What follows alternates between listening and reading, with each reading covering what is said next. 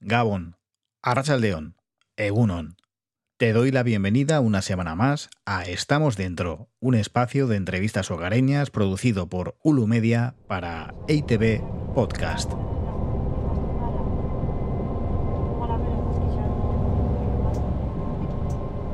Hoy hemos puesto rumbo a la ciudad de Eibar.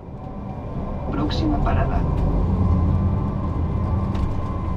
San Juan Calea, Zazpi.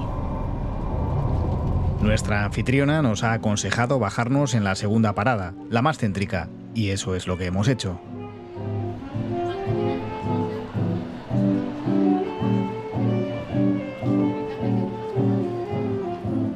En la calle Toribio Alzaga, un trío de jazz improvisa melodías que refrescan los oídos de quienes charlan en las terrazas más cercanas.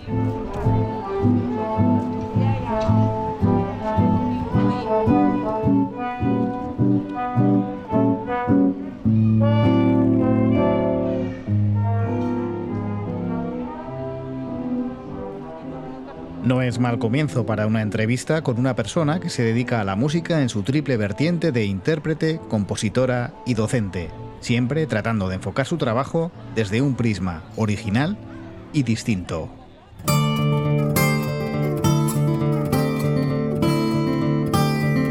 Soy Juan G. Andrés y hoy, en Estamos Dentro, accedemos a la casa de Maite Arroita Jauregui, Mursego, El otro día me llamó Oscar Alegría para hacer un currito para nuestro querido gobierno vasco. Bueno, que le habían propuesto pues que la música tal fuera ah, sortuko dira no sé qué. No sé, agarraban a Lete y a la voz otra vez. Yo le dije a Oscar, yo eso no. O sea, pero no, no por mí, sino por... Es que no voy a hacer eso otra vez. Estamos estirando el chicle de la boa, es que ya vale, ya. O sea, que no, que hay que, que, hay que avanzar y así no avanzamos. Lo que hay que hacer es eh, tomar el espíritu que la boa, Arce y todos estos tenían. O sea, es el espíritu. Y hacer nuestras cosas. Pero no, Sortuco dirá bestia. O sea, no. Mostraros como un pueblo de verdad moderno, que tanto que somos en industria, no sé qué, somos ahí como súper. Bueno, pues a ver. En cultura también.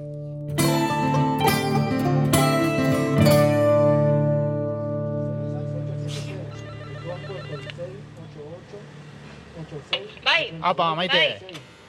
Eskerrik asko.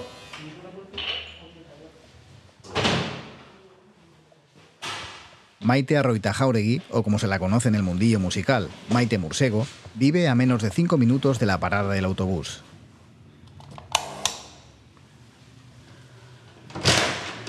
Kaixo, Maite.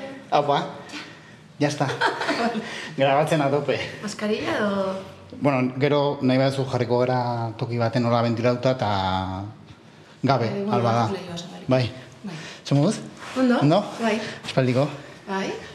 Ze kaskamotx, eh? Bai. E, asteburuan, erabaki nun... Nos recibe en su domicilio de Eibar, nada más regresar de sus acostumbradas vacaciones de verano en Ondarribia. Tiene el frigorífico casi vacío y le preocupa que puedan cerrar el súper antes de poder hacer la compra. Kafea, tea, eh, sucedáneo de café. Café, café, suciano y quez. Sin embargo, en cuanto colocamos los micros sobre la mesa de la cocina y la charla comienza, ya no hay reloj que valga.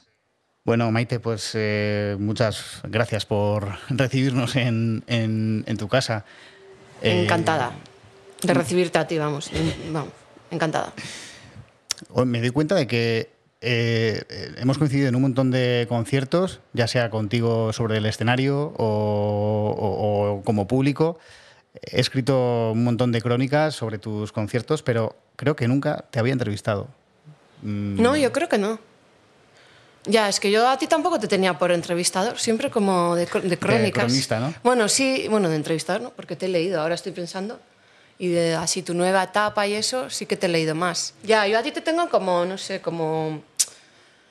¿No? Como que siempre has estado desde el como una figura como muy desde el principio, como siempre ahí como atento, como un poco como aliado, que no sé si es bueno o malo, porque a veces es como el día que digas algo que no me guste, pues voy a flipar.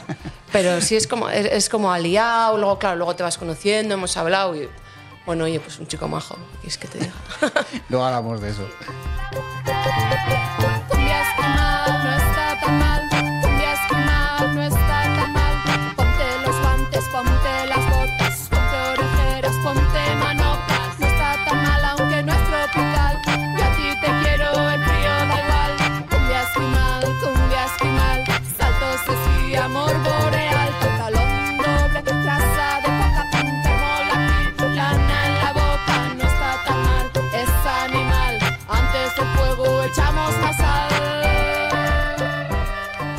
Quería empezar hablando de, de Eibar, ¿no? Eh, el sitio en el que naciste hace ya unos años, creo que somos de la quinta. Somos de la quinta, sí. Sí. Yo ya me he fijado en eso. Eh, un pueblo al que le dedicaste una canción, la, la cumbia villera de la ciudad armera.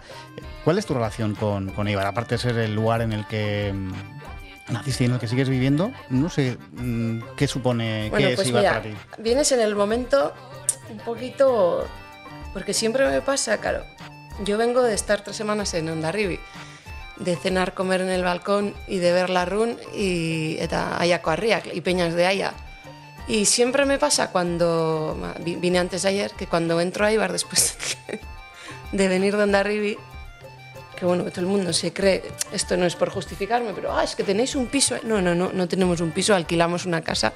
Tenemos la suerte de alquilar la casa a un precio razonable porque son conocidos, porque bueno, no vamos a hablar de eso, pero vamos, lo de pasar el verano en Ondarribi es una locura. Y bueno, y solemos alquilar un piso allí y siempre que entramos, ¿no? Y además ahora tengo el, como el... Todavía este sentimiento se agrava porque mi pareja de ahora eh, es de Donosti, entonces, pero vive conmigo en Eibar, entonces cada vez que entramos a Eibar y ya después de pasar las tres semanas en Onjarvi es como, ostras, qué maldito fucking agujero es este, o sea, que no se ve ni, ni, ni, ni, bueno, pues como podéis ver, como puedes ver, aquí delante tengo una casa y tengo que girar mucho el cuello y muy para arriba para ver un cachito de monte. Pero bueno, sabemos que es una ciudad fea, pero no- es verdad que ahora en este piso pues es- está muy céntrico, tenemos todo muy cerca, eh, nuestros amigos están cerca, eh, de repente pues mi hijo ya va a la escuela, porque la escuela está cerca, son cosas como detalles que en el día a día no te hacen que sea, que, que sea cómodo, que sea cómoda la ciudad. Sí, luego hay otras cosas que no. Bueno, y, no sé, es que mm, pues, yo qué sé, por ejemplo, la gestión cultural, pues a veces hay como, bueno, son, ya son otras cosas que no tienen nada que ver con el pueblo, pero bueno, sí es verdad que luego también soy trabajadora del ayuntamiento, de la escuela de música, bueno, hay cosas que, bueno, pues supongo como en todos los lados, ¿no? Como que no, que me cuestan, pero bueno. Y, mm, pero sí, soy de Ibar y chico, pues no sé, pues yo vivo bien aquí, o sea, bien de cómodo. Luego, claro, luego agradezco mucho poder ir, a, poder ir a San Sebastián, sobre todo por la oferta cultural. Poder ir a Tabacalera y verme una peli el sábado, ¿no? Claro, eso es, tengo la suerte de que puedo dejar al crío con mis suegros y, y- y puedo ver una película, que es lo que, mm, bueno, de lo que más me gusta, ¿no? O sea, de plan de sábado tarde es lo que más me gusta. La mítica peli mm, raruna de sábado tarde, programada por mi querido amigo Víctor Iriarte, pero bueno, pero es así. Y suelo ir a gusto. Sí. Eh, has, comentado lo de que es una ciudad fea. El otro día no sé si eh, leíste en Twitter una de estas polémicas eh, No, un poco absurdas. ¿eh? Es que no sigo Twitter, entonces es como que o me cuentan o me mandan mítico el enlace que lo abro. Twitter, buah, es que ya ahí no. Pero Parcato, No, Parcato, que te he cortado. Es, eh, Alfonso Usía, el articulista este de, de casi extrema derecha. Ah, sí, sí, sí, sí. En, Sí. No sé si era en el ABC, no, creo que en su propia cuenta personal eh, dijo que mm, Rentería era el pueblo más feo de España y había alguien que le, que le recriminaba y Hombre. decía, no, no, no, el más feo es Eibar, Hombre, vas a comparar. Y yo diría que el más feo todavía es Placencia. Soraluce. Solo la luce Placencia de las armas, Ray. Bueno, y esa fealdad, ¿no? Ese carácter de pueblo, bueno, pues un poco hostil, entre comillas, si quieres, ¿eso eh, imprime un cierto carácter, tú crees? Jo. Pues yo eso siempre he pensado, fíjate, a ver, me voy a ir de tema, pero siempre he pensado, por ejemplo, que yo, pues desde muy pequeña he ido a un Yarbi así a, veranear y vo- voy a irme al otro lado, ¿no? Pero siempre he pensado, joder, un Darribi tan bonito, tan no sé qué. Bueno, también es lo- luego me entenderéis por qué digo esto. ta- también tiene que ver porque está en la frontera y sitios fronterizos siempre, pero sí. digo yo que la música, ¿no? Que, es- que se ha hecho en Onjarvi, ¿no? Y tanto, joder, el, hay- hay mogollón de, de- de- de músicos y de, bueno, es la música que yo más he oído y que a mí más me ha gustado, como son Betty Mugandut, eh, Orgasmic Toothpicks, no sé, Leaf, eh, todos estos grupos. Joder, ¿por qué hacen la- esta música tan mm, diferente o que, bueno, a mí ya he dicho que a mí me gusta mucho, pero ¿por qué tan diferente? ¿Por qué, no? ¿Por qué de repente mm, nadie hace, pero Betty Mugan empieza ahí como a parecerse un poco a los Pixies o a, a James Addiction? o- a ver, hay como... O sea, buscan la estética, o sea, viviendo en un sitio tan, benito- tan bonito, eh, no sé, tienes cierto gusto estético también. No sé. Eso he pensado siempre. O sea, si tiene que ver que Onda Ribi sea tan bonito con que luego, joder, pues haces música bonita, ¿no? No sé, no interesante. No sé, es, es una chorrada, pero que siempre he pensado. Y aquí, pues no sé. Hombre, pues aquí se ha hecho heavy, ¿no? Sutagar. Se ha hecho su tagar, ha hecho su carra. Luego los grupos así, bueno, pues no sé. Hombre, supongo de alguna forma sí, ¿no? El- este olor a taladrina que, que hay en el ambiente. No, yo creo que es más, es, a ver, todo está relacionado. Es feo porque es una, es una ciudad, ha sido una ciudad obrera, con, con mucha industria, una ciudad industrial. No sé, pues es un poco a echar ahí al barro, es un poco Glasgow, ¿no? Y tengo un amigo que siempre dice que, y ahí sí que veo cierta similitud con las pelis de mm, Young Waters, de Pin, Pin Flamenco y todo eso, que, que Ibar es como Baltimore. Bueno, ahora ya... eh, ahora qué pasa... ah, The Wire pasa The en Wire, Baltimore, sí, ¿no? sí, eso es. También ha sido una... que no tiene nada que ver, pero también ha sido... Fue un pueblo donde la, la droga pegó... muy- bueno, todos los sitios aquí del Inguru, pero que pegó muy fuerte. ¿Por qué estoy contando esto? Se me está yendo... Ah, bueno, sí. Pues Eibar es como Baltimore.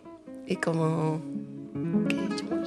Glasgow. Y ¿no? Glasgow, sí. Bueno, es ciudad industrial. Al final, bueno, Y de ahí, hijos de obreros. o sí, no de ahí sale un magma curioso, ¿no? También.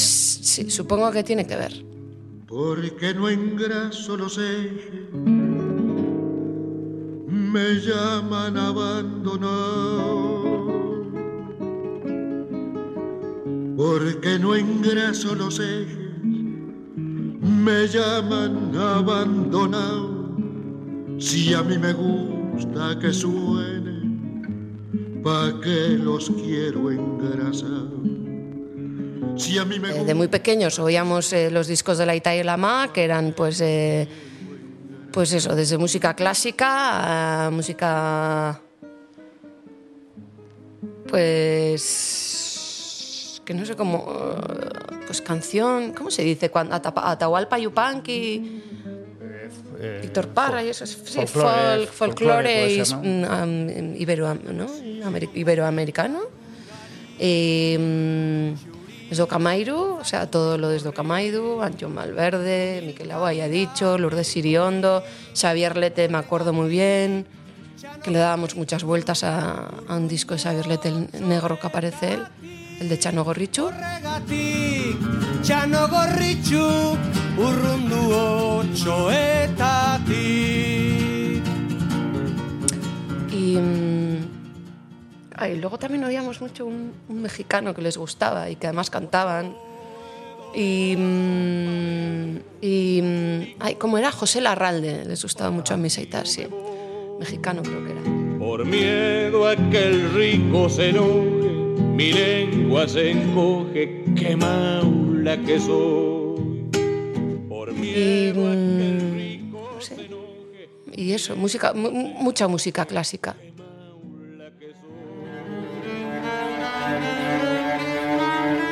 Que vivíamos en una casa muy pequeña, entonces mis padres dormían en el salón y solían dejar el tocadiscos a, la- a las noches, cuando todo el mundo se iba a la cama, ellos también, dejaban el tocadiscos puesto hasta que, no, hasta que la aguja ya Sí, llegaba al final del Llegaba surco al y- final, eso es, del surco, sí.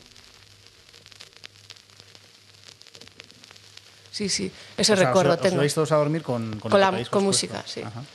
Y luego mis hermanos, hombre, pues hay cosas que no he compartido con ellos, pero otras que... Y yo creo que han dejado un poco, me han dejado marcas, sí, mi... Bueno, mi hermana oía Enya, mogollón, que no, pues no, la mía New Age como que no. Bueno, en el momento sí oía a gusto, pero Oía Enya, pero no sé, también oía a Rupert, que eso sí hemos compartido. O, mm, hoy lo he pensado, como te he dicho antes, pero no sé a santo de qué. Ah, bueno, ya sé por qué. Porque estaba pensando en una cosa, mm, bueno, que no sé. Bueno, se supone. Bueno, a ver, es que no sé si contar porque todavía no lo he hecho, pero bueno, voy a hacer una colaboración con. A ver, que igual luego no sale, pero con Nacho Vegas y empezó a pensar como que Nacho Vegas siempre ha reivindicado a los House Martins y, y yo estaba pensando hoy mientras hacía gimnasia decía, joder, si yo he oído House Martins eh, todos los discos porque compraba mi hermana o mi hermano, no sé, ¿no? Pero Tú- tú eres- entonces tú eres no la eras- pequeña, ¿no? Sí, yo soy la pequeña. Yo tengo 44, mi hermano 48 va a hacer y mi hermana 52. Entonces, em, claro, yo no, no era muy consciente ¿no? de, que era un, de, de que era un grupo de pop, pero no sé cómo decir, pero combativo, o sea, de, de- de izquierdas. Pues no me enteraba del inglés, ahora tampoco, pero bueno, pues yo qué sé, ahí está, ¿no? Y ahora es como, joder, pues si yo he mamado. O sea, a los House Martins, mogollón. Luego a mi hermano le gustaba mucho el reggae, el DAF, también teníamos discos, eh, o resentidos, em, ¿qué más? Sea, muy ecléctico en realidad. Sí, todo, sí. Luego Al mi final, hermana. Entre la Italama y los hermanos. Sí, sí. Eh, yo qué sé, la trinca también. Me, viene ahora como de pequeño es la trinca. Y luego, pues mi hermano ya, pues, pues todo el rock radical vasco, Erzaña, que hemos oído mogollón. Eso yo creo que ya mi hermana también. A mi hermana le gustaba mucho Presuntos Implicados. Y así como grupos de pop. Duncan Du con mi hermana también. Pero sí, yo creo que lo que más he oído así con mi hermano, pues eso, eh, Bob Marley y rock radical vasco. Y el ska también, Scatalize y así, todo eso he conocido por mi hermano, que ahora mismo pues no es lo que más me gusta, pero bueno, ahí hay como, ahí me he quedado, los specials. Uf, los specials, hemos oído mogollón. Sí, sí, sí, sí.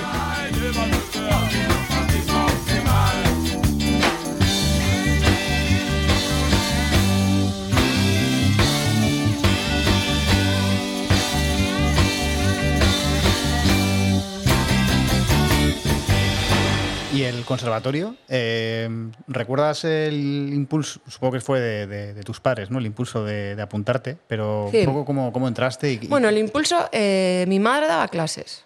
Mi madre cuando ya nos crió y así, como ella estudió piano y tenía la carrera y empezó a interesarse un poco pues por las, un poquito pues, a ver, como ella dice, o sea, a mí me enseñaron piano, pero no sé tocar nada de memoria, o sea, no sé improvisar nada y ella tiene como esa cosa, ¿no? Empezó como con eso y como que eh, se apuntó a cursillos y a hacer cursos y talleres y así de cómo enseñar música un poco de, de otra forma. Y empezó a dar clase a los de casa, o sea, a los del edificio. Y cada vez más, cada vez más, cada vez más, y ya tenía pues, grupos y nosotros empezamos a, a estudiar con ella a veces con la ma. con la MA. Y luego ya, como había que examinarse para tener el título y para no sé qué, yo ya en quinto de solfeo me fui al conservatorio. Y antes ya empecé con el cello. El piano también hice un poco en casa y con profe particular. Empecé con el piano y luego ya a los nueve años o así cogí el cello. Escogí el cello. ¿Por qué el chelo? Bueno, pues la pregunta que me hacéis siempre, pues tampoco tengo muy claro. Pues mis padres dicen que yo dije que quería el cello. Pues a ver, me llevaban mucho a conciertos y, tú, o sea, y tenía la suerte de poder escuchar y ver un cello de cerca. Conciertos de Supongo de que hay- clásica, claro. Sí, de clásica. Porque también íbamos mucho a conciertos de, de música renacentista y barroca, que a mis padres Música les gusta. antigua Antigua, ahorita, música antigua, o a cena rusa, o en la quincena en, el convento, ¿cómo es? El de Santa Teresa. Sí, sí. sí. Ahora creo que se hace en San Telmo, pero antes se hacía en... el- En Santa Teresa, sí, ahí me acuerdo muy bien, con las monjas por detrás, ahí como en, en el coro. Yo me acuerdo que a veces me aburría. O sea, que tenía como la, el programa de mano y decía, a ver, han tocado no sé cuántas, faltan no sé cuántas para acabar, están en el alegro, mm, es muy despacio para que sea alegro, ahora están en el... Yo me aburría, claro, es que... Pero bueno, no sé, creo que es una forma de aprender y aburrirse no está mal. No. O sea, hay que educar el oído y yo creo que así también, aburriéndome, me educaron el oído, sí. Y entonces eh, es- escoges, como decíamos, el chelo. Sí, bueno, pues no sé. Supongo que esa, esa tesitura tan cercana, como se dice siempre, es como una frase hecha, pero es verdad, a la, a la, a la voz humana. Es verdad, bueno, no sé, porque a mí pues, el violín no me gusta, o sea, los, siempre tiendo como a, y cuando compongo y así, pues al, ¿no? a como tesituras y timbres más graves. Más graves. Sí, me gusta más. Tu forma de cantar incluso también es... ¿no? Sí, como no llego además, pues es lo que hay. Sí, pero me sale mucho más fuerte, o sea, me sale más de la tripa y como tampoco he educado la voz, este verano también pensaba, ¿no? Oyendo tanto tartarelena y tantas cosas, tantas cosas de voz. Pero es que yo no he educado nada la voz. Y a veces pienso, joder, pues unas clases de canto. Pero claro, mm, quiero hacer muchas cosas y no me da tiempo de todo, lo de siempre. Tras estrenarse sobre el escenario con las bandas de los locales de ensayo de Legarre y foguearse en los conciertos de la Gaste Asamblada de Eibar, Maite se alistó en el grupo de Anari Alberdi, con quien adquirió las necesarias tablas.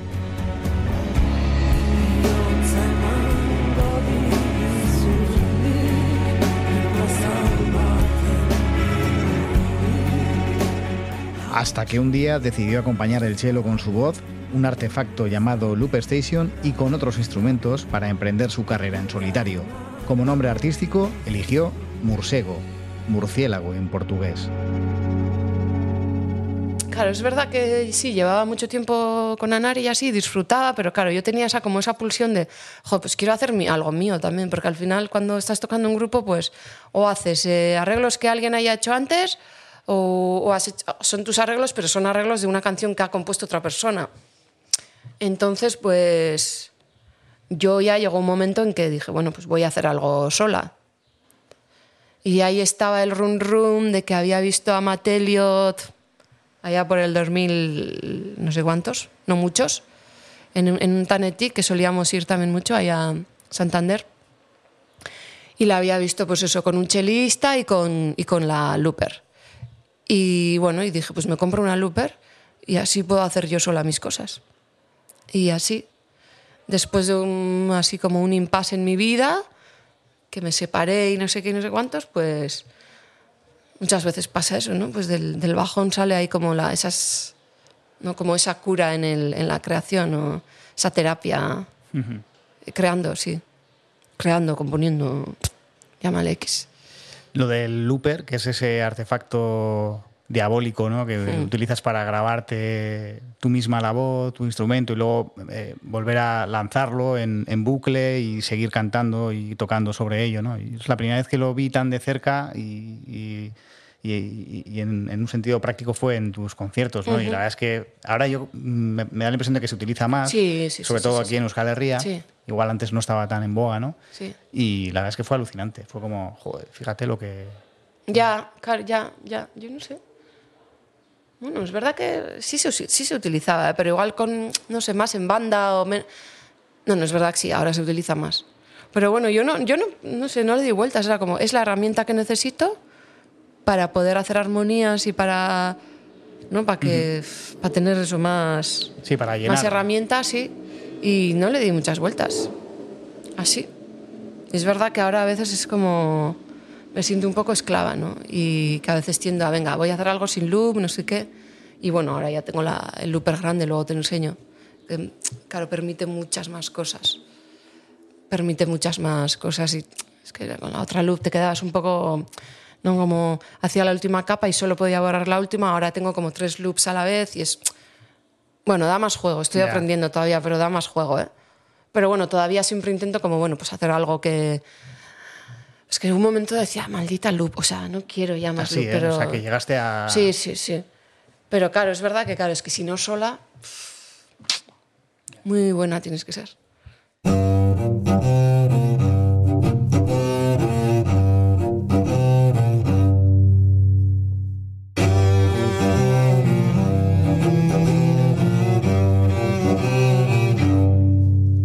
La primera vez que, mm, que te vimos fue en Mogambo, en 2009, porque lo he buscado en el blog, sin más. Ah, sí. Y, y, joder, pues eso, eh, leo lo que escribí, era pues cualquier idea, por excéntrica que parezca, es válida para construir una canción. Aprovechar como colchón sonoro las bases pregrabadas de un organillo ochentero, registrar el sonido de las burbujas que surgen de un vaso de agua cuando se sopla por una pajita, cantar literalmente el texto de una receta de atún con pisto o rendir homenaje al hombre sin pasado del cineasta Aki Kaurismäki. Luego las versiones de Kraftwerk, de Xavier Montoya, de, de Daniel Johnston. ¿Cómo te montas eh, semejante fregado, no? Tan, todo tan variado, tan es como un festival de, eclecticismo, ¿no? Ay, chico, yo siempre digo, es que la vida misma, es que la vida es así, ¿no? Es que no sé. Es que nunca he pensado.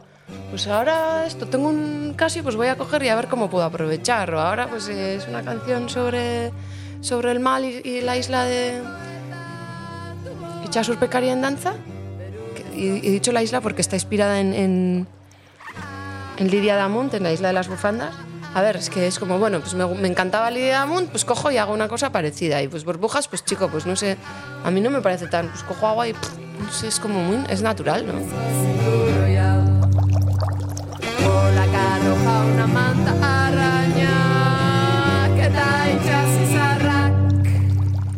y luego todas las referencias que has dicho, es que si- es como yo pues traigo la música del, y hago versiones de las canciones y los y las músicas que me gustan, músicas y músicos que me gustan, compositores y compositoras. Es que no sé cómo decir. A veces he pensado, igual falta coherencia, pero para mí la coherencia es la, no sé, como la libertad, ¿no?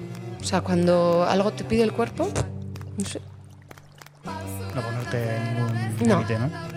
Es que el límite, ¿por qué? O sea, hay- límites hay que poner cuando estás haciendo algo mal o daño a alguien, pero si no, no sé, cuando estás haciendo un, no sé, algo moralmente o éticamente incorrecto, pero lo demás no veo por qué no. Y claro, y al estar sola también, pues buscas como más elementos, ¿no?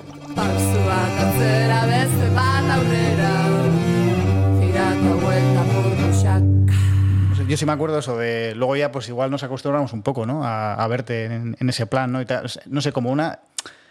eh, como una actitud eh, seria, porque lo que haces te lo, no te lo tomas a broma, pero al mismo tiempo también es como muy lúdico, muy, muy divertido. Sí. El sentido del humor eh, es algo que. Hombre, es que el sentido del humor en tu Yo obra. es algo que valoro mucho, o sea, valoro mucho incluso como, no sé cómo decir, como acto político y como el sentido del humor como fuerza mm, para cambiar cosas, estados de ánimo, no sé cómo decir, o sea, como me parece un arma política muy potente el sentido del humor, sí.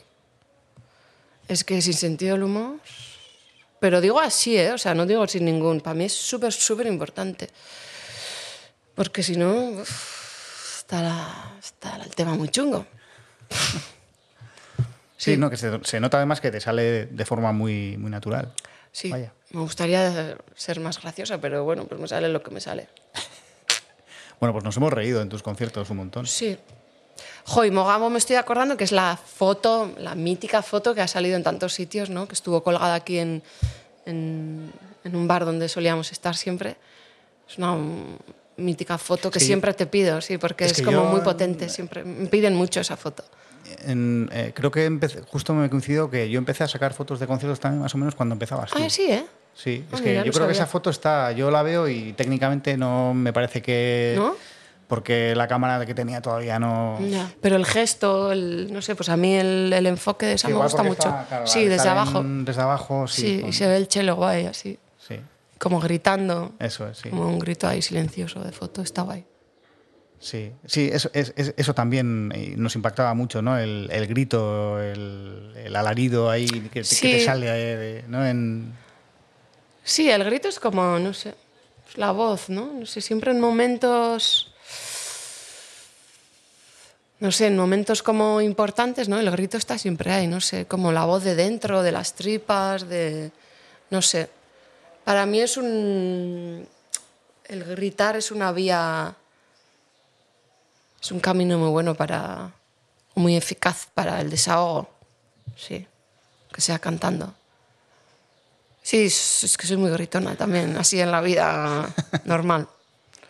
Pero sí, yo me acuerdo, bueno, no sé si porque no se habla de estas cosas, pero igual vas a ser pionero y moderno. Y yo tuve, tuve un aborto antes de, antes de tener a mi hijo y me acuerdo, a ver, es el dolor, pero tengo muy, tengo muy presente, porque bueno, eh, al final pues es como un parto, ¿no? Yo parí un, un feto, es que es como feo decir, pero bueno, vamos a hacerlo natural, o sea, es Sí. como, es un proceso normal, los, los abortos pasan y bueno, y yo me acuerdo que instintivamente me fui al, al bidet y, y- y parí, o sea, parí un, un feto y, y- y me acuerdo del grito que pegué, supongo que sí del dolor, el, del dolor no me acuerdo, pero del grito sí, sí.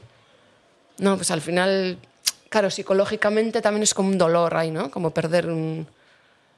Bueno, sí, supongo que en los, en los momentos así de... como muy intensos de todo, pues gritas, ¿no?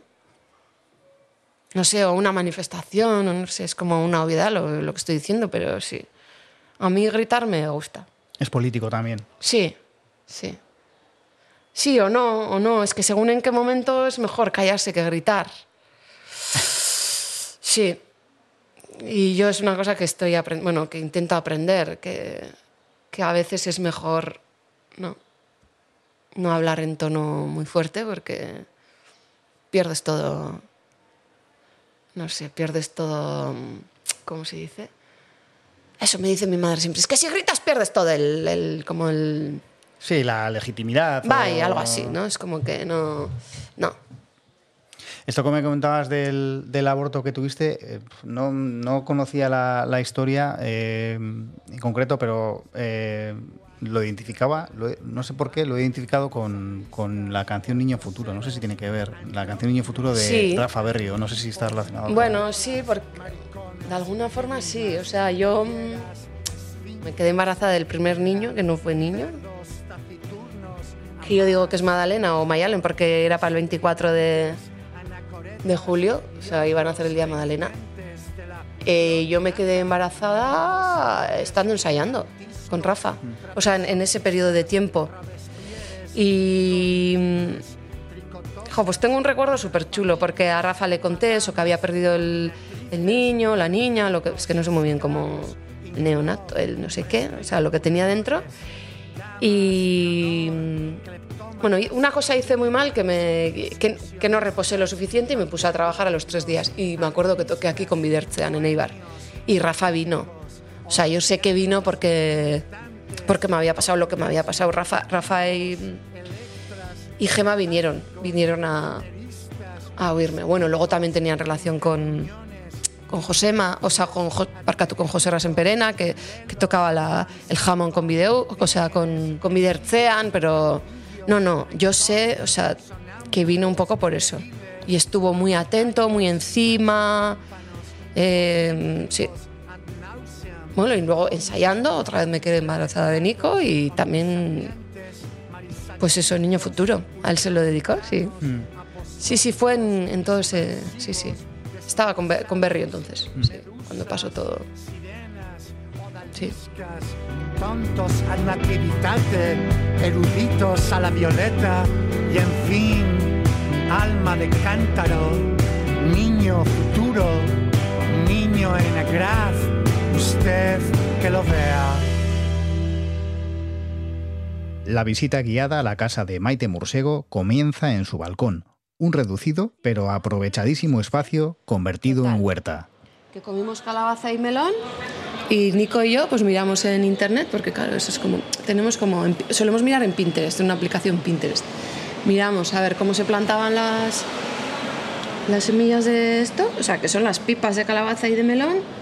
Nada, tienes que dejar secar y luego plantarlas. Y creíamos que no, pero vinimos un fin de semana y de repente habían salido, como había hecho un poco calor, y están súper grandes. Eso es melón y eso y esto calabaza. Que para que la gente se haga una idea, quienes nos están escuchando, eh, esta, esta huerta eh, que nos está relatando Maite, eh, bueno, pues está instalada en un balcón que no tendrá más de, no sé, de un metro cuadrado. De ancho un metro. Y de largo un poco más. Y aquí las flores, pues ahí están, que sí están, pero el pimiento no sale. Sí. No. Y la patata, pues eso. Pues mira, le das color un poco a Ibar, ¿no? Que hablábamos antes de, de, Sí, de la fealdad. del- concurso de, de balcones. Ah, sí. Como en Oñarri, sí, sí, sí. Y nada, Muy pues bien. esto aquí en un principio en la obra, porque era una casa, era una casa vieja, hicimos toda la obra, tiramos todo, y aquí en principio íbamos a poner un, un muro, pero es que nos íbamos a quedar sin luz, ya poca luz hay, entonces nada, está todo abierto. Y guay, pues como veis es muy minimal, pero bueno, es verdad que algún día una foto tuya, por ejemplo, un algo estaría guay también. Eh, por aclarar, una foto hecha por mí, no una foto mía en la No, que aparezca yo. No, bueno, sí, no, pero hecha por ti, sí. Una foto de tú. Esto está... mm, Ah, sí, esa es de Man Ray, ¿no? Esa Sí, es como de la espalda re- con el re- cielo. reprodu- reproducción de Man Ray que hice para mm, una exposición que hizo Oscar Alegría con cuando mm, no sé dónde estrenó en Macbaquia y eh, me pidió esto. Entonces no tengo muy definida la cintura porque estaba embarazada, entonces ya tenía un cuerpo raro. Y me dibujó mi madre las Fs y es el retrato de Ray. bonito. Sí. Ya, algún día sí me... que me gustan los tatuajes, pero no sé, es que como... ¿Qué te tatuarías? ¿Cómo, cómo se llaman las...? Fs, se dicen las Fs. Fs del chelo. Son más Fs, pero de tatuarme me tatuaría eso, si me tatuara algo algún día. En los riñones. Ahí, en la riñonada, eso. Sí. y eso, pues esto es un poquito lo que tenemos de adornito, pues el- para que oigan el disco de Rafa Berrio, el disco de Ivonne RG, el primero, y el El. Bertasuna en los Ratatán del Lisabo, el Goyo. El- Este Ah, es, el, es verdad, El el- Goya, el el Goya. Goyito, este me hicieron mis amigas. Luego te enseño en uno en grande, en 3D. Y nada, pues así. Estos son los monstruos que dibujó un día Qué bonitos. Joder, esto qué guay. Esto es una nota de mi madre a tornillo del patio, que ya lo recogí, que se me cayó un tornillo. Ah, y esto es, esto es el dibujo que me hizo mm, Nico cuando lo del Goya. Aupa macho Goya saria lortu duzu. Atzo zuri ikusten egon ginen eta zuri irabaztea entzun genizunean negarrez hasi ginen. Oh. Mira. Bueno, es que además eh, fue súper bonito como recogisteis el premio cantando. Sí. eh, Los ganadores, ganador es Aranzazu Calleja y Maite Arroy Tajauregui por Aquelarre. Me tocó. ¿Lo tenéis muy preparado? Teníamos preparado, sí. Bueno, hab- habíamos pensado que no íbamos a decir todo lo que dice todo el mundo y entonces que íbamos a cantar. Y cogimos la melodía del- de uno de los temas principales. Y nada, y, mm, y mencionamos al equipo, a la parte femenina del equipo, bueno, la- las más cercanas. Mm.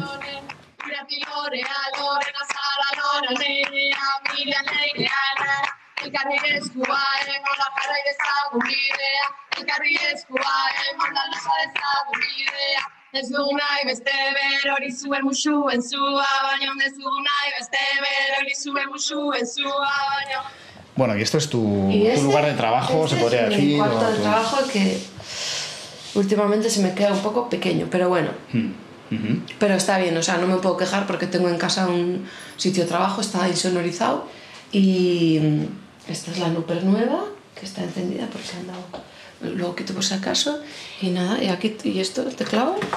Tienes todo, digamos que tienes todo preparado para, para ensayar en cualquier momento, Sí. ¿no? El chelo aquí Sí, el ya año pasado en. dividí así, dividí parte aquí, en esta mesa, lo que es imagen y todo eso, o sea, el trabajo de composición para imágenes y eso, o bueno, otras cosas, o sea, con el ordenador. Y como ves es un poco pequeña, pero no da para más. Y luego en esa mesa, que me resulta muy cómodo esto, con la bandeja y así, aquí es ensayo museo. O sea, ahí como compongo y aquí ensayo. El Liru, de Ramón, esto me hizo Víctor, de arte. Mm, Me gusta mucho este collage cuando hacía lo de Gloria Fuertes. Y nada, y este es como mi... que tampoco hay ningún póster, hay un bicho ahí. Pero bueno, tampoco es que no sé que... Aquí que- sí me gustaría poner al- algo de planta, algo de verde. Y esto, pues mira, estas vistas que te pueden parecer que... Pues, ¿qué, qué dice esta loca? Pero es verdad, a mí me... No sé, hay algo como de romántico, no sé cómo decir, como de Oscar Wilde. De bohemio, ¿no? Sí, porque, a ver, evidentemente ese es un muro de, de Miñelda, de ladrillo moderno y una fábrica, como no podía ser de otra forma en Eibar, pero este muro es de piedra y dice mi padre que este muro él lo ha conocido siempre. O sea, cuando no había fábrica ni, ni nada, este, que este pasadizo lo ha conocido él siempre. Ajá. Y hay muchos gatos y muchas veces... Muchas veces suelen estar ahí como mirándome. O sea, eso es así. Como como... Los ratos mirando al murciélago, ¿no? Sí, eso es. Igual me quieren comer o no sé qué, pero bueno. Y le solemos de comer mortadela y así. Compramos mortadela no, que no comemos para dar a los gatos. Y no sé, es- esta cosa como de piedra. Sí, luego de- con el verde también, ¿no? Con las El verde, que suelen, o- joder, que suelen quitar. Ahí tuve una flor súper bonita que debe ser una especie bastante... Bueno, que en Holanda debe ser muy común, pero que aquí no, Ujú. Que viene de, de África, bueno, de Marruecos y así, y que sale en piedra. Esto me lo dijo Maite Larburu, no os lo perdáis, ¿eh? Me dijo que, ah, hombre, sí, le mandé una foto que sí, que eso, que le gustan mucho las plantas y eso. Que eso cuando ella vivía en Holanda solía comprar, pues tipo para adornar. Es una cosa que alguna vez he visto en la autopista también, saliendo de la piedra. Ajá. Pero como me podaron todo, les dije, por favor, esa, esa planta no podéis, no sé qué. Nada. No me hicieron ni caso. Y no sé, a mí me resulta, mira, ¿ves? ¿Me mira o no me mira? Sí, el gato. Me está mirando. Vaya ojazos tiene. Y luego tienen nombres. Eh, Nico les pone nombres. ¿Ese cómo se llama? Ni idea. Porque como no hacen tantos, Bueno, ese lo que está esperando es el salchichón. ¿eh? la mortadela. Salchichón no va a tener. Y eso, pues a mí, ¿no? Pues estar trabajando y ver este muro me parece como, bueno, con cualquier cosa nos conformamos, ¿verdad? Pero bueno, no sé. No sé, me gusta. Y eso, los gatos ahí como... Y nos tienes que recomendar también algo para escuchar. Solemos eh, en este podcast solemos eh, preguntarle a nuestras invitadas o a nuestras anfitrionas, mejor dicho, eh, bueno, pues un tema para, para escuchar. Y me has hablado de ¿cómo es? Tartar, Tartarrelena. tartarrelena. Pues es, a ver, Fotero, un nombre tan en boga como tú, tienes que... Es lo más ahora, bueno. Pues, como lo eh, más, en- pero no por ello, no es porque les haga caso, di- no es porque no, me mola. pero, pero dinos alguna cosa. Pues os- igual os digo esa. Os os voy a decir la, la canción esta que os he dicho del, del cancionero de Palacio, que es Tres morillas me enamoran. En Jaén. Aisha, Fátima y Mariel. Iban a coger manzanas.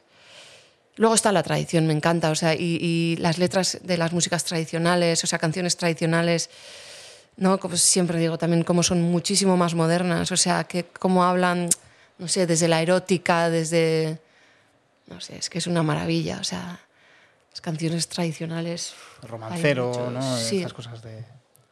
sí o bueno, o las mismas canciones tradicionales vascas. O sea, tengo ahí un libro que yo trabajé en, en Amoribieta, en la música escola, y el director es de Arratia, lugar que adoro también, como el Vidasoa. Y, mm, y me regaló un, un- un libro de canciones tradicionales de Arratia y hay unas cosas así picantes, pero es que digo eso es porque, porque es lo que más me llama la atención, ¿no? como la erótica y el, el ligoteo y de hace de 500, bueno, 300 años. Bueno, en este caso 200, no sé. Sí. ¿Y por qué hablo de esto? Ah, pues eso, os recomiendo Tres Morillas, me enamoran. Sí. Que es escucharlo. una canción, pues será de 1500, no sé, los reyes católicos, pues Sí. eso, ¿no? Ujú. 1500. Ujú. ¿No? Sí, Des- siglo- descubrir- sí, sí, sí, 1592. siglo XV, sí. Eso es. Tres morillas me enamoran en Jaén, Asha, Fátima y Mariel. Tres morillas tan lozanas iban a coger manzanas las cogidas en Jaén, Asha, Fátima y Mariel.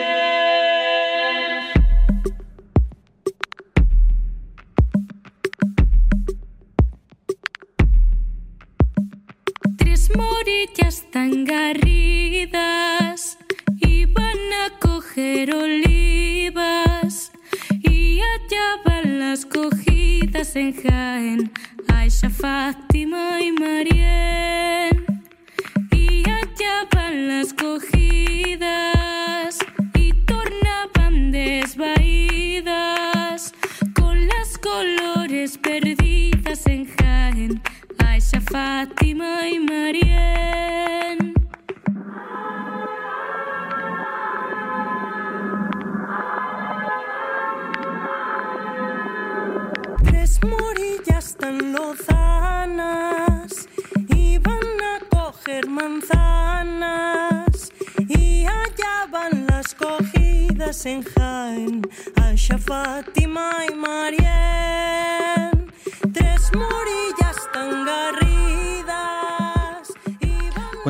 más o menos has avanzado algunas cosas, ¿no? Pero cuéntame qué es la música para ti, ¿no? Porque, bueno, pues hemos hablado del juego, del descubrimiento, experimentación, oficio también. Sí. Pues es, es como es algo que está súper presente en mi vida, porque al final todos los días doy clase, bueno, ahora no voy a dar todos los días porque he pedido reducción y estoy muy contenta para poder trabajar más de- en el ámbito mm, ¿El cine? creado- creativo, sí, bueno, de cine, pero bueno, más en, más en la composición. Entonces yo es algo como que estoy dando vueltas todo el tiempo, porque estoy componiendo, porque estoy, me estoy formando en, pues eso, en el software, en el Cubase, en el no sé qué. Eso me, eso me quita mucho trabajo. Lo digo porque es así, porque hoy a la mañana también me he estado bajando cosas de instrumentos virtuales, de no sé qué. O sea, es una cosa como, es eso, es... eh, no sé cómo decir, es que para mí es como... Es terapia total, o sea, las entrevistas siempre digo, cuando yo cuando acabo de componer algo y ya me convences como que soy otra persona.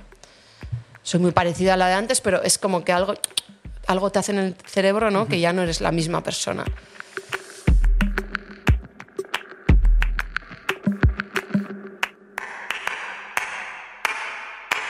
Eh, lo hago terapia yo también, porque mm, trabajo con, con personas con... Discapacidad. No, a ver, es que estaba buscando ahora, se dice con función, eh, di- eh, diversi- diversidad funcional, se dice ahora. Vamos a decir lo políticamente correcto ahora, porque luego mañana se dirá de otra forma, pero entonces para mí es, o sea, para mí es una herram- herramienta. O sea, enseño, pero también utilizo la música para, para conseguir algunos objetivos como son la comunicación, eh, el disfrute, el- el- lo lúdico también, sí. Y luego también, pues es que vivo de eso. Y no vamos a hablar del tema, pero bueno, podría vivir mejor, claro. Eso te iba a preguntar, ¿qué tal Porque- se vive? Pues no muy Casi, bien. Bueno, casi- casi es una pregunta retórica, pero bueno. Sí, bueno, pues ya saben todas las oyentas, todas las concursantas, pues eh, se vive, pues bueno.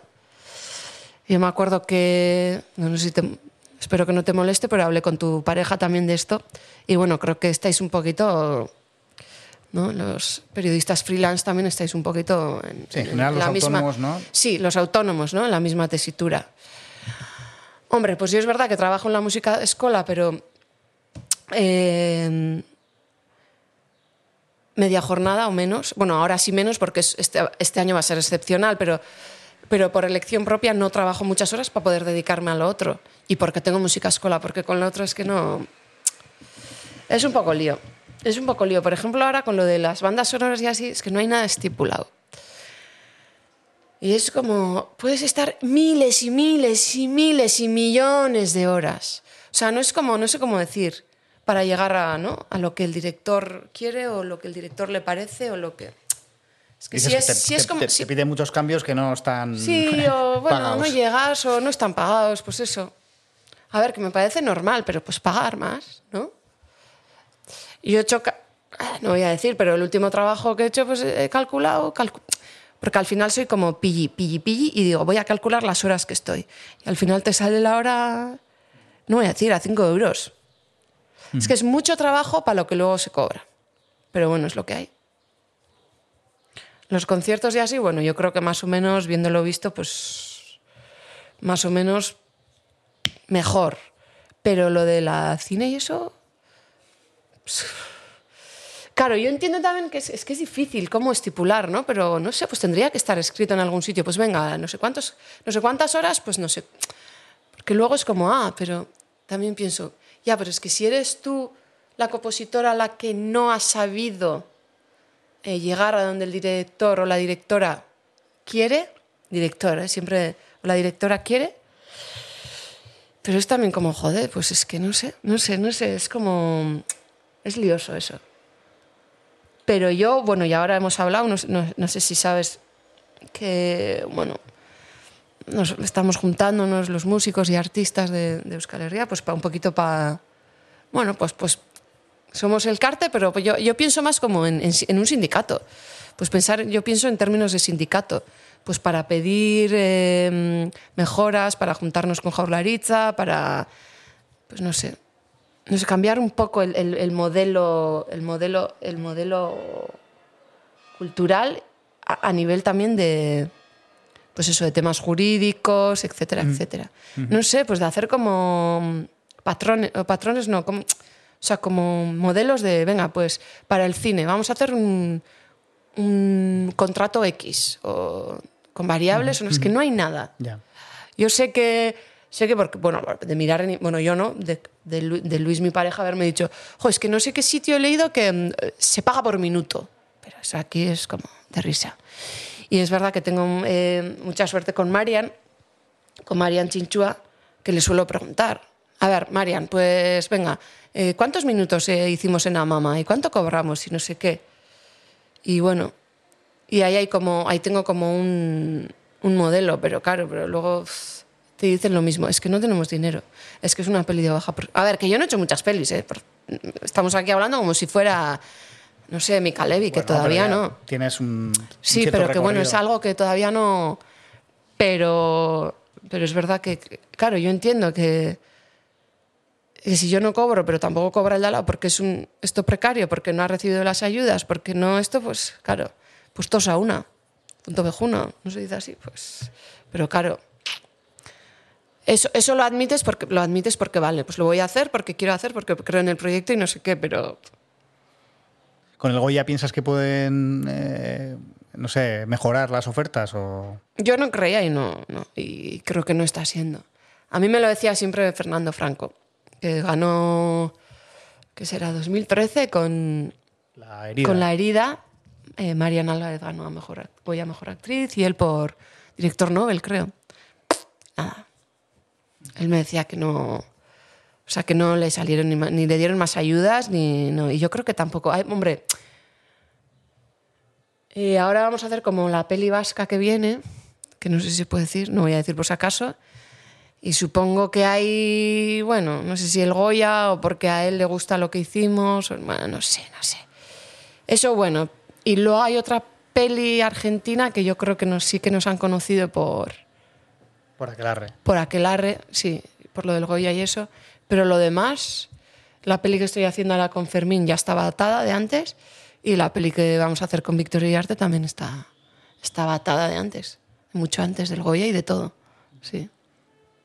La peli vasca está, que dices eh, enigmáticamente, la peli que, que va a ser la peli, ¿no? La peli Escolabel. Eh, Pablo Urquijo, ¿puede Sí, ser? sí. Vale. Vale. Es que hablé con él. Ah, es que igual ya es suficiente. No sé, igual ya No, están no, hablando de ello. No, sé. pero bueno, me- no sé por qué he pensado en ello. No, Sí, eh, sí, sí. Hablé con Paul eh, en la anterior temporada de, de Estamos Ah, Dentro sí. del podcast y, y, bueno, me contó el proyecto y Sí. tiene una pinta estupenda. Sí, es verdad que bueno, no es a mí ni el género ni el tema que más me.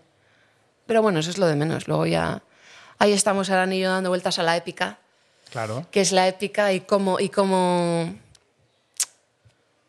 cómo transmitir la épica musicalmente sin que sea un, un, or- un orquestón, ¿no? O Conan, ¿no? Como se- él, él- me acuerdo que además en su.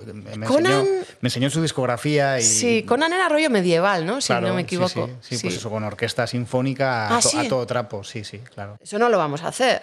No sé si él. Él lo sabrá, me si imagino, ¿no? Si yo, si Yo ya le dije vuestro trabajo. cuando.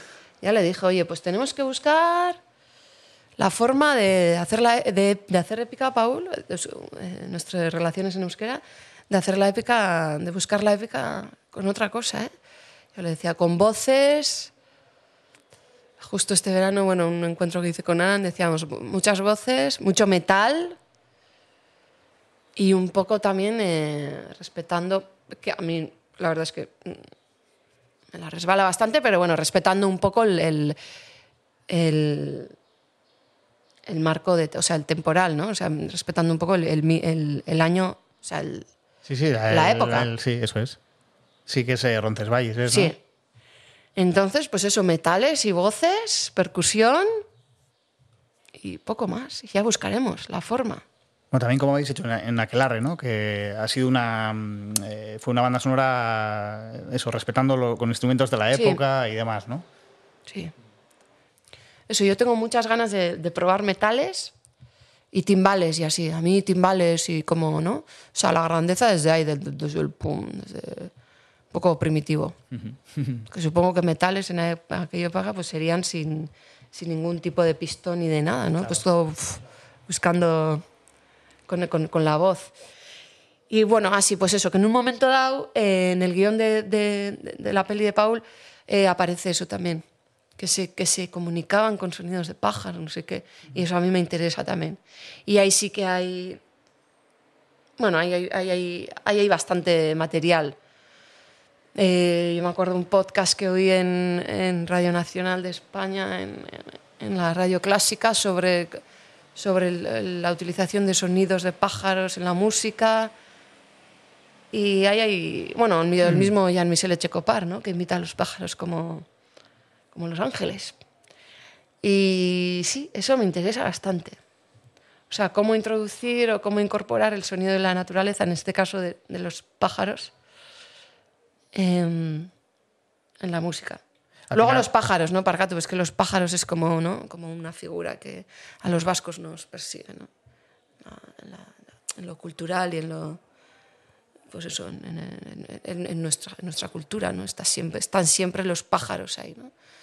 Pájaros de la boa, de Arce, de tantas canciones a los pájaros en, en- en la Ujú, música ujú. tradicional, Sorinua, Cayolán, Shori... Chanchangorria. Chanchango. Ah, mira, no, mira, pues no, había, no me había acordado Chanchangorria de, de esto. De Itoitz, Juan Carlos Pérez.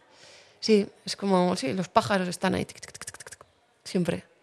Es un poco también esta idea que me cuentas de la banda sonora de, de esta película en, en construcción que eh, em, va un poco en la onda esa de huir de lo obvio, ¿no? De decir, pues eh, vamos a. que, que está en, en toda tu, tu obra, en, to- en todos tus trabajos, Sí. ¿no? El, el hecho de no voy a coger el camino establecido y voy a intentar, bueno, Sí. hacerlo.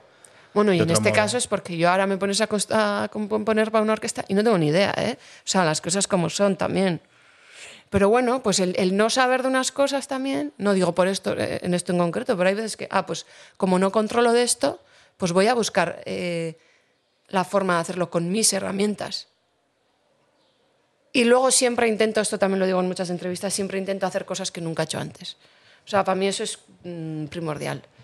Es súper importante para mí. eh, pues eso, no, sé cómo deciros, hacer cosas nuevas, o sea, tomar caminos que nunca he tomado o probar cosas que nunca he tomado. Eso son leche detra- una detrás de otra, plas, plas, plas, porque es el, no es el camino fácil, como tú dices, pero bueno, es una manera de aprender también. Es que si no, no tiene mucho sentido. O sea, hacer cosas que ya has hecho antes, ¿para qué? Nos gusta la emoción. Las plas, plas, plas, y las tortas y estar y que me salga humo por las... Pero bueno, eso es aprender. Para mí es aprender. Y es- es- he sentido siempre eso y, y- y una vez lo leí a Esther Ferrer y dije, joder, pues mira, si a Esther Ferrer le pasa lo mismo, mal, mal no ando. Digo medio en broma, ¿eh? y no es por chulear, pero es una cosa que yo siempre he pensado y se lo he leído a Esther Ferrer y digo, claro, es que cosas que ya has hecho. Quizá no, sea- no es casual que haya salido a relucir Esther Ferrer, que es una Sí. de las grandes Sí. eh, artistas de Sí. performance ¿no? en todo el mundo. Y, y no sé, tus, tus eh, espectáculos tienen también bastante de performance, ¿no? Sí, Y yo creo que, un estás poquito cada ahora- vez más. Cada vez más. Sí. Es porque me interesa, o sea, la música sí, pero toda esa hibridación y eso me, me- me fascina, ¿no? Pues ahora eh, la cosa está que hago de, mm, de juegos de palabras, no sé qué. Es un poco eso. Pues como ampliar un poco. Sí, pues eso, lo que te he dicho, pues buscar cosas nuevas que me gusten y trabajarlas y sí. Sí, el cuerpo me interesa y eso. La presencia del cuerpo en escenario me interesa mucho. Sí. Y como forma de expresión. Sí. Y luego que bailar me, me encanta. O sea, he bailado toda la vida y bueno, pues ahí hay como una. Sí. Y disfruto también, ¿no? Como. Ah, pues venga, voy a. Que esto. Que mis manos también acompañen, ¿no? Y los. ¿Y has tenido alguna vez conciencia de eso, de ser un- una rara avis? Para mucha gente yo creo que lo eres, pero no sé si totalmente te condiciona de alguna forma. Me importa un comino que me digan esas cosas. Y no soy, además, y es que si yo hago. Si yo hago música tradicional, solo que de otra forma. Es que no sé. Bueno, que busco otros caminos, que no sé qué, pues sí. Claro, luego ahí también, claro, sin, querer pretender parecer grandilocuente, yo tengo como una cosa como de compromiso. Que igual, insisto, ¿eh? no es por chulear ni por nada. Yo siento como una cosa así como de compromiso para con mi con lo que me rodea, con la sociedad, o llámale X. Y, y vasca. Eh, no tiene nada que ver con nacionalismos ni con no sé qué. O sea, yo vivo aquí y, y vivo en mi pueblo y quiero que mi pueblo pues que evolucione. Que a veces creo que estamos bastante atrancados culturalmente, a nivel cultural hablando, ¿eh? yo desde lo que me toca luego no sé, pero a nivel cultural creo que estamos un poquito atrancados. Y no es que vaya a hacer yo nada súper novedoso, súper no sé qué, pero siempre intento como, ostras, pues voy a hacer algo que igual también contribuya, pero ya sé, o sea, lo que yo hago es súper pequeño, ¿eh? ya sé, o sea, pero algo pequeñito, por muy pequeñito que sea, pero ostras, pues hacer algo nuevo, algo, ya, no sabes, como pero en el sentido de, ostras, de, de cómo contribuir a que un poquito avance esto, ¿no? Pues en, en el camino de, de Ivonne RG, por ejemplo, no sé, para mí es una referencia para eso, ¿no? O de muchos otros y otras músicas, ¿eh? Y con que también trabaja mucho lo tradicional, ¿no? Sí. Dándole una nueva pátina de, Sí. de modernidad, ¿no? Sí, eso me interesa mucho. O como ya quede claro que estoy muy on fire con Tartarelena, pero como pueden hacer Tartarelena, ¿no? Que cogen la música tradicional y, la, y hacen como unos arreglitos más, más contemporáneos o bueno, lo llevan a su terreno. Eso es, eso es, y es verdad que hay como una, hay una tendencia ahora, ¿no? Hay una corriente, ¿no? Desde Tartarelena Rodrigo Cuevas o no sé qué más decirte. Una cosa que no me gusta mucho, pero un, eh, un gallego que hace como... ¿Cómo es? Bueno, que hace como electrónica con muñeiras y sí hay uno, no me acuerdo el nombre. Sí, pero sí que hay una... Sí, bueno, lo que hacía la BOA. Es que claro, estamos hablando de cosas que la BOA Ya hacía. la BOA y Arce y todos estos ya lo hacían. Y parece que, joder, es que, que no. Bastante más modernos que, que nosotros eran, que nosotras. Sí. Sí, yo qué sé, el otro día me llamó Oscar Arleglia para hacer un currito para, la insti- para una institución, para nuestro querido gobierno vasco. Y mm, bueno, que le habían propuesto pues que la música tal fuera, mm, ah, sortuko dira besteak, no sé qué. No hay como, se agarraban a Lete y a la boa otra vez. Yo le dije a Oscar, yo eso no, o sea, pero no, no por mí, sino por, es que no voy a hacer eso otra vez. Estamos estirando el chicle de la boa, es que ya vale, ya, o sea, que no, que hay que, que hay que avanzar y así no avanzamos.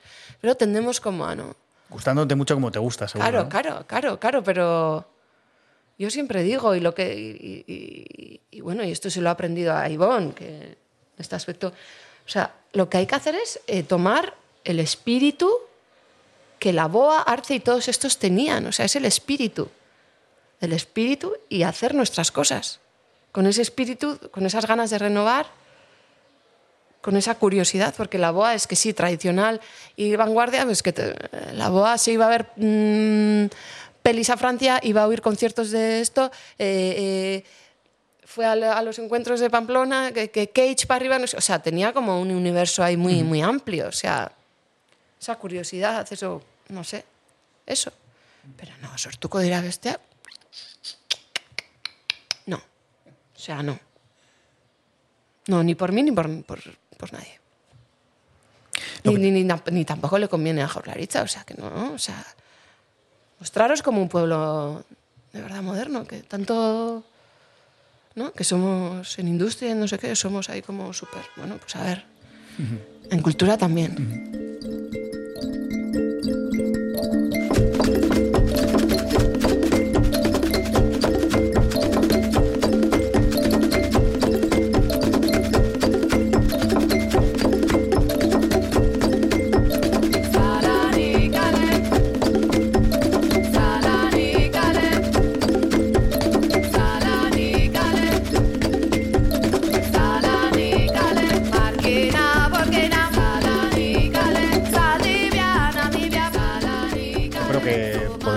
Aquí. Eh, espero que hayas estado a gusto porque cuando te contacté para esta entrevista, eh, este que sí a la primera, muy amablemente. Pero hubo algo que me. eh, estabas un poco, no sé si te coincidió Ah, los podcasts. Sí, lo- Ah, los sí, sí, sí, podcasts y, en, los y general eh, la alineación esta que tenemos con, con lo digital, ¿no? Que estamos con, delante de la pantalla todo el día.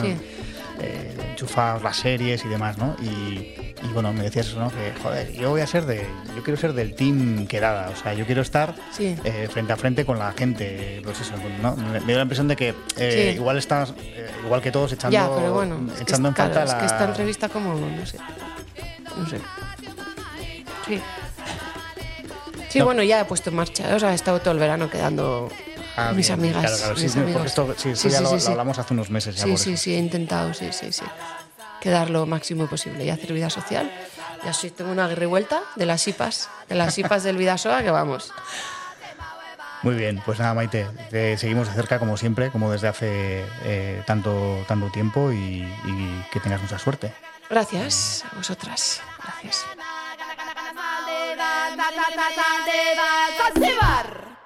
Así toca a su fin este nuevo episodio de Estamos Dentro, espacio que despedimos hasta la semana que viene, no sin antes recomendar la escucha de nuestro podcast siamés, Barruan Gaude, conducido en euskera por mi compañero y amigo Oyer Aranzábal. Si te ha gustado o al menos interesado, suscríbete y síguenos en nuestras redes sociales. Pero antes, escucha el siguiente bonus track interpretado en exclusiva para nosotros por Mursego en su base de operaciones de Eibar.